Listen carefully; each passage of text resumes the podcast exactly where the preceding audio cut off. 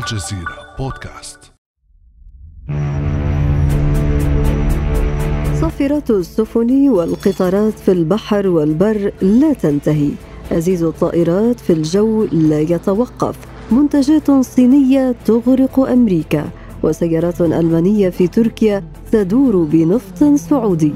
هكذا أصبح العالم قرية صغيرة في إطار العولمة. لكن العولمة التي تنفست السعداء برحيل الرئيس الأمريكي السابق دونالد ترامب تهددها اليوم اضطرابات سلاسل التوريد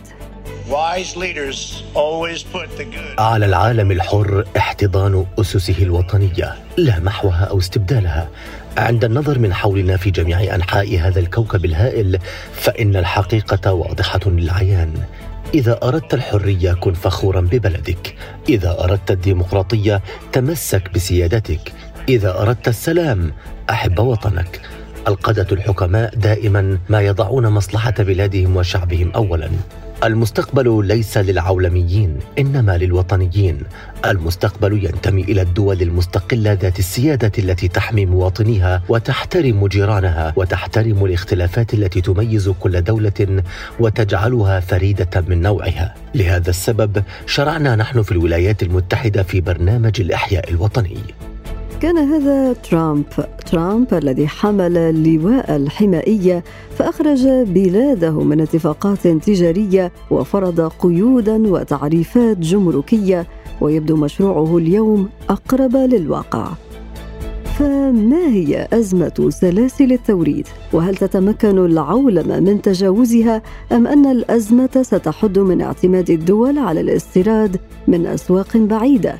وما انعكاسات ذلك على الدول الأقل قدرة على توفير احتياجاتها الأساسية من غذاء ودواء ووقود.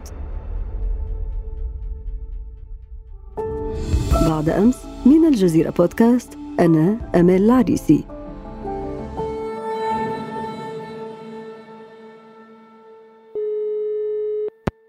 هذه الحلقة ينضم إلينا الأستاذ إبراهيم الطاهر الزميل الصحفي والباحث الاقتصادي. أهلا وسهلا بك أستاذ إبراهيم. أهلا أستاذ أمال وتحية لحضرتك وللمستمعين الكرام.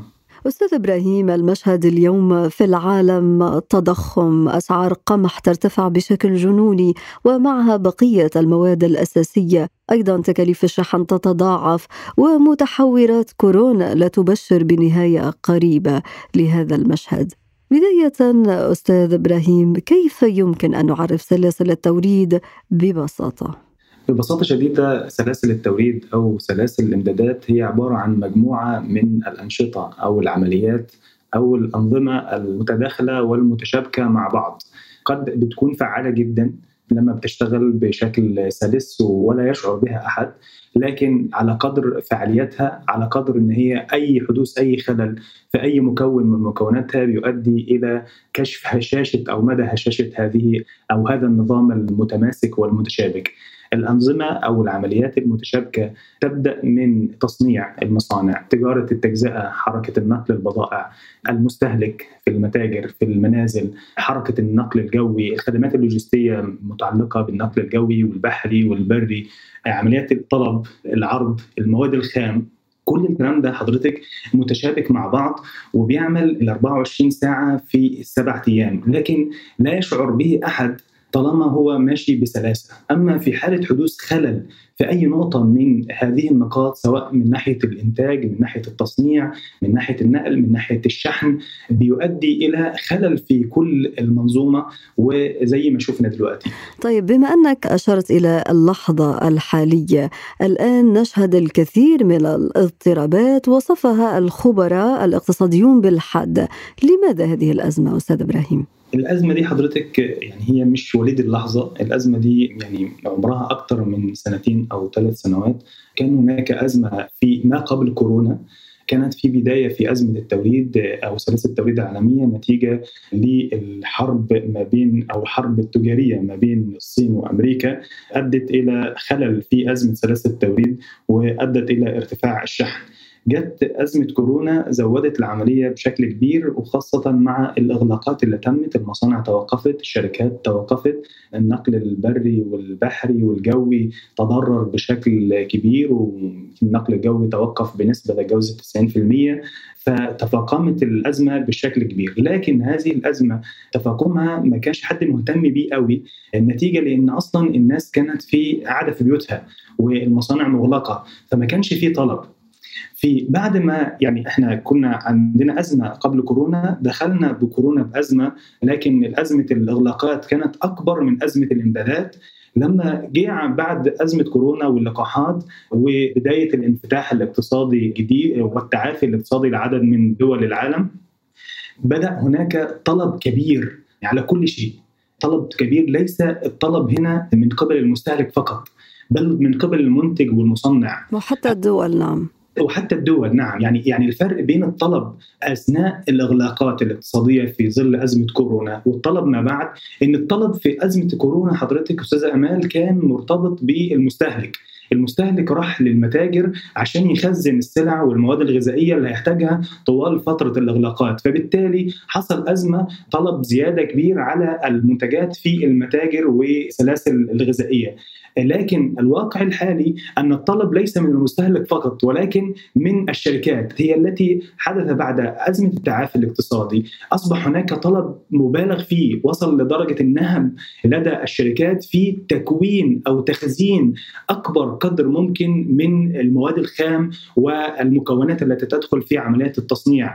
وبالتالي هذا الطلب في الشركات المرتفع أو المصانع أدى إلى خلل في منظومة سلاسل التوريد. ليه؟ لأن حضرتك إحنا اتفقنا في البداية إن سلاسل التوريد هي عبارة عن مجموعة عمليات متشابكة.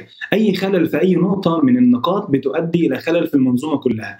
فإحنا أصبح عندنا خلل في طلب الشركات في خلل كمان مرتبط حضرتك أستاذة أمال بارتفاع أسعار النفط والطاقة وبالتالي ارتفاع أسعار الشحن. في خلل كمان مرتبط بإن عدد كبير من السائقين تركوا أعمالهم نتيجة لتداعيات أزمة كورونا ومستمرين في القعدة في البيوت لحد دلوقتي.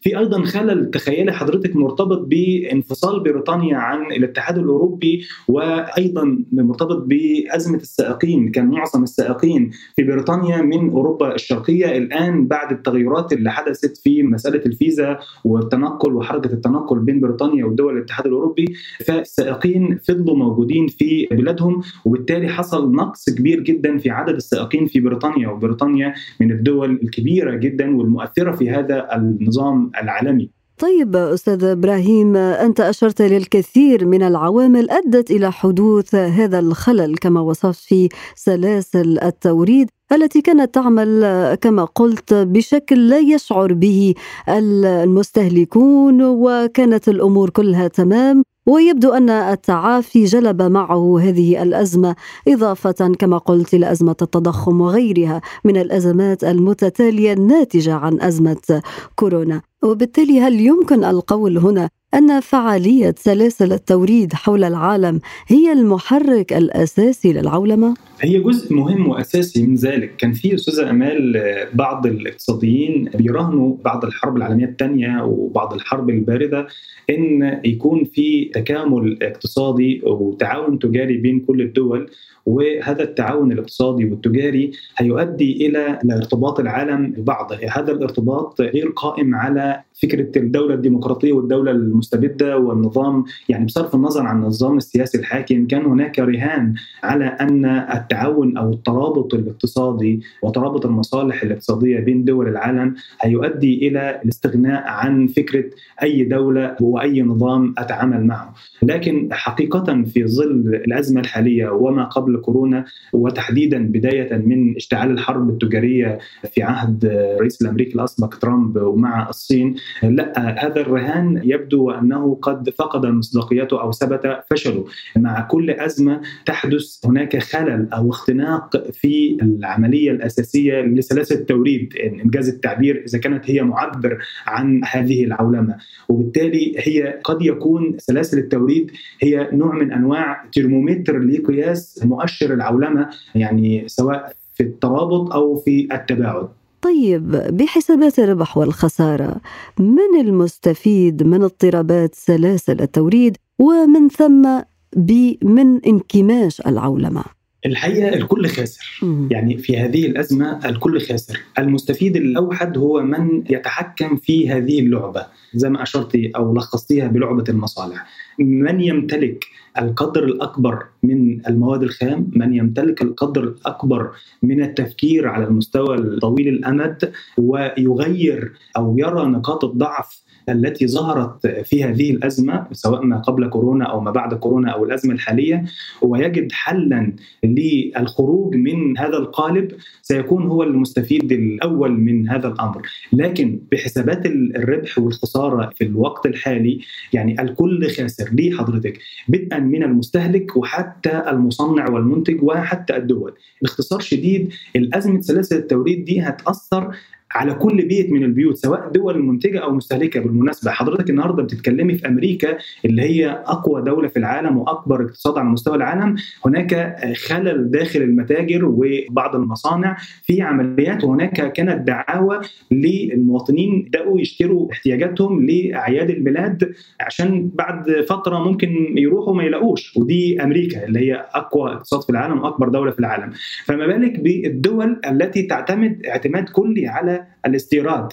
أنت قلت أستاذ إبراهيم فما بالك بأمريكا؟ طيب كيف يمكن للدول الفقيرة أن تؤمن احتياجاتها من المواد الأساسية؟ ما لم تكن هنالك تجارة دولية فعالة وفي ظل تعطل هذه السلاسل سلاسل الإمدادات الحيوية. الدول الفقيرة وتحديدا المستوردة كمان. يعني في دول غنية وبتعتمد اعتماد كبير على الاستيراد. وكذلك الدول الفقيرة إن لم تجد لديها حلول عاجلة ووضع خطط حكوماتها تبدا في وضع خطط لزيادة معدلات الإنتاج لديها والبحث عن أولويات الصرف لديها والانفاقات لديها وتوجيه هذه الأولويات إلى عمليات الإنتاج سيكون أمامها سنوات قاسية جدا لأن أزمة سلاسل التوريد واختناقها يعني وفقا لكل توقعات المؤسسات المالية والعالمية والخبراء بيتكلموا إن الأزمة مطولة شوية مطولة سنة سنتين ثلاثة ربما تصل ل 24 فإحنا بنتكلم حضرتك في أزمة مستمرة. هذه الأزمة لن تقتصر فقط على فكرة الإمدادات ولكن ستمتد إلى أساسيات الدول أو اقتصاديات الدول الأساسية فيما يتعلق بهيكليات الاقتصاد.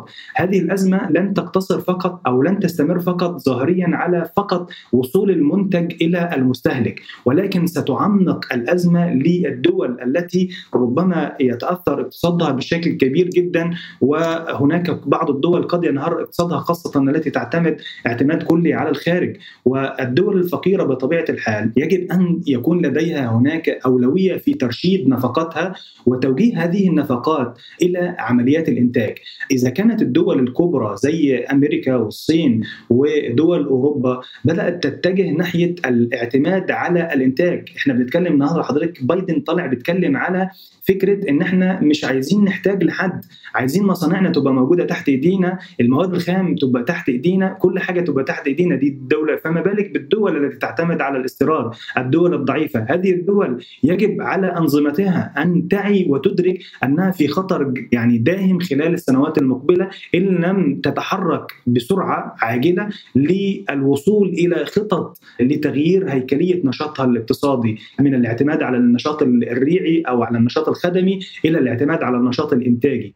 ولكن أستاذ إبراهيم ما تتحدث عنه من خطط؟ هذه تعتبر خطط طويلة الأمد. ربما الدول الكبرى لها إمكانيات ولها إمكانية تنفيذ اختصار مدة تنفيذ هذه الخطط. لكن هل برأيك إعادة توزيع سلاسل التوريد على عدد أكبر من دول العالم يمثل حلا لأزمة الإمدادات الحالية؟ يمثل جزء من الحل وليس الحل كله. وكما ذكرت لحضرتك في البداية إحنا بنعتبر إن أزم هذا الاختناق الحالي هو مؤشر لخطر كبير جدا ممكن يأثر على يعني مستقبلا حتى وان انتهت الأزمة فهي معرضة للاشتعال مرة أخرى في أي وقت يحدث خلل في هذه المنظومة، الأصل أن على كل دولة أن تبحث عن ما يسد احتياجاتها أو ما يلبي احتياجاتها في حال حدوث أي خلل من هذه المنظومة. أستاذ إبراهيم أنت تحدثت عن أنه الدول كل دولة تشوف احتياجاتها فين وتركز عليها وتحاول أنها توفر جهود الاستيراد من أسواق بعيدة ألا يعني ذلك انكفاء كل دولة على نفسها وبالتالي أصبح السؤال الملح اليوم هل ما زال العالم قرية صغيرة بالفعل؟ فكرة العودة لكل دولة تستقل بنفسها دي صعوبة من الصعوبة بمكان إن إحنا نتصورها في الوقت الحالي أو حتى في ظل الأزمة. هناك بدائل يعني ما أقصده لهذه الدول أن تمتلك مقومات الإنتاج لديها وأن يكون لديها خلل وأن يكون لديها حل لنقاط الخلل الموجودة لديها في أنشطتها الاقتصادية. حضرتك بتتكلمي على فكرة العولمة في هذا الإطار تحديدا. العولمة في هذا الإطار أستاذة أمال تتطلب من الدول البحث البحث عن أسباب الخلل الرئيسية لهذه الاختناقات. بمعنى إن حضرتك هناك تفسير أولي حول إن الأزمة دي أزمة نتيجة لعوامل طارئة وبمجرد انتهاء هذه العوامل ستنتهي الأزمة. لكن هناك رأي آخر يرى أن هناك عوامل هيكلية قد تكون هي السبب في هذه الاختناقات وليست العوامل الطارئة، يعني البنية التحتية لعمليات سلاسل أو أنشطة سلاسل التوريد حول العالم فيها خلل لم يحدد بعد، هناك بحث عن أين موطن الخلل في هذه الأزمة. إذا توصلت الدول إلى موطن الأزمة في خلل الاختناقات المتكررة لأن دي مش أول مرة ولا تاني مرة هي متكررة لأزمة سلاسل التوريد العالمية أو الإمدادات العالمية، يعني لن يؤثر ذلك على العولمة بل ستصغر القرية أكثر مما كانت عليه، لكن من الصعب في ظل التطور التكنولوجي الهائل ودخول عصر الميتافيرس والواقع الافتراضي و robots وعمل العمليات الجراحية عن بعد وهذا التطور الهائل في تقنيات التواصل أو التقنيات الطبية أو حتى الصناعية أو الإنتاجية نعود بالخلف إلى ما قبل العولمة، صعب جدا الوصول إلى هذا الأمر وقد تبحث الدول هنا الصراع أستاذ أمال على من يهيمن على هذه السلاسل، يعني إحنا بنتكلم في إن بدأت الصين تبحث في أمور أخرى قد تساعدها في الهيمنة على سلاسل التوريد العالمية، سلاسل التوريد والإمدادات العالمية لن تتوقف لأنها لم تتوقف حتى ما قبل العولمة، يعني ما قبل العولمة كان هناك تبادل تجاري بين الدول وبعضها ولكن بنسب أو أخرى يعني، لكن الوقت الحالي الصراع هو على الهيمنة على سلاسل التوريد وليس انتهاء أو انقطاع سلاسل التوريد العالمية وانقطاع دول العالم عن بعضها والعودة إلى ما قبل العولمة يعني. يعني اجمالا أستاذ إبراهيم واستنادا طبعا إلى رأيك. العولمة لم تتضرر وإنما العالم يمكن أن يصبح قرية أصغر. يبقى الصراع هو صراع هيمنة بين دول. من سيسيطر على هذه السلاسل؟ سلاسل الامدادات العالمية الحيوية. الأستاذ إبراهيم طاهر الصحفي والباحث الاقتصادي شكرا جزيلا لك على كل هذه التوضيحات. شكرا أستاذة أمال وتحياتي لحضرتك وللمستمعين الكرام. كان هذا بعد أمس.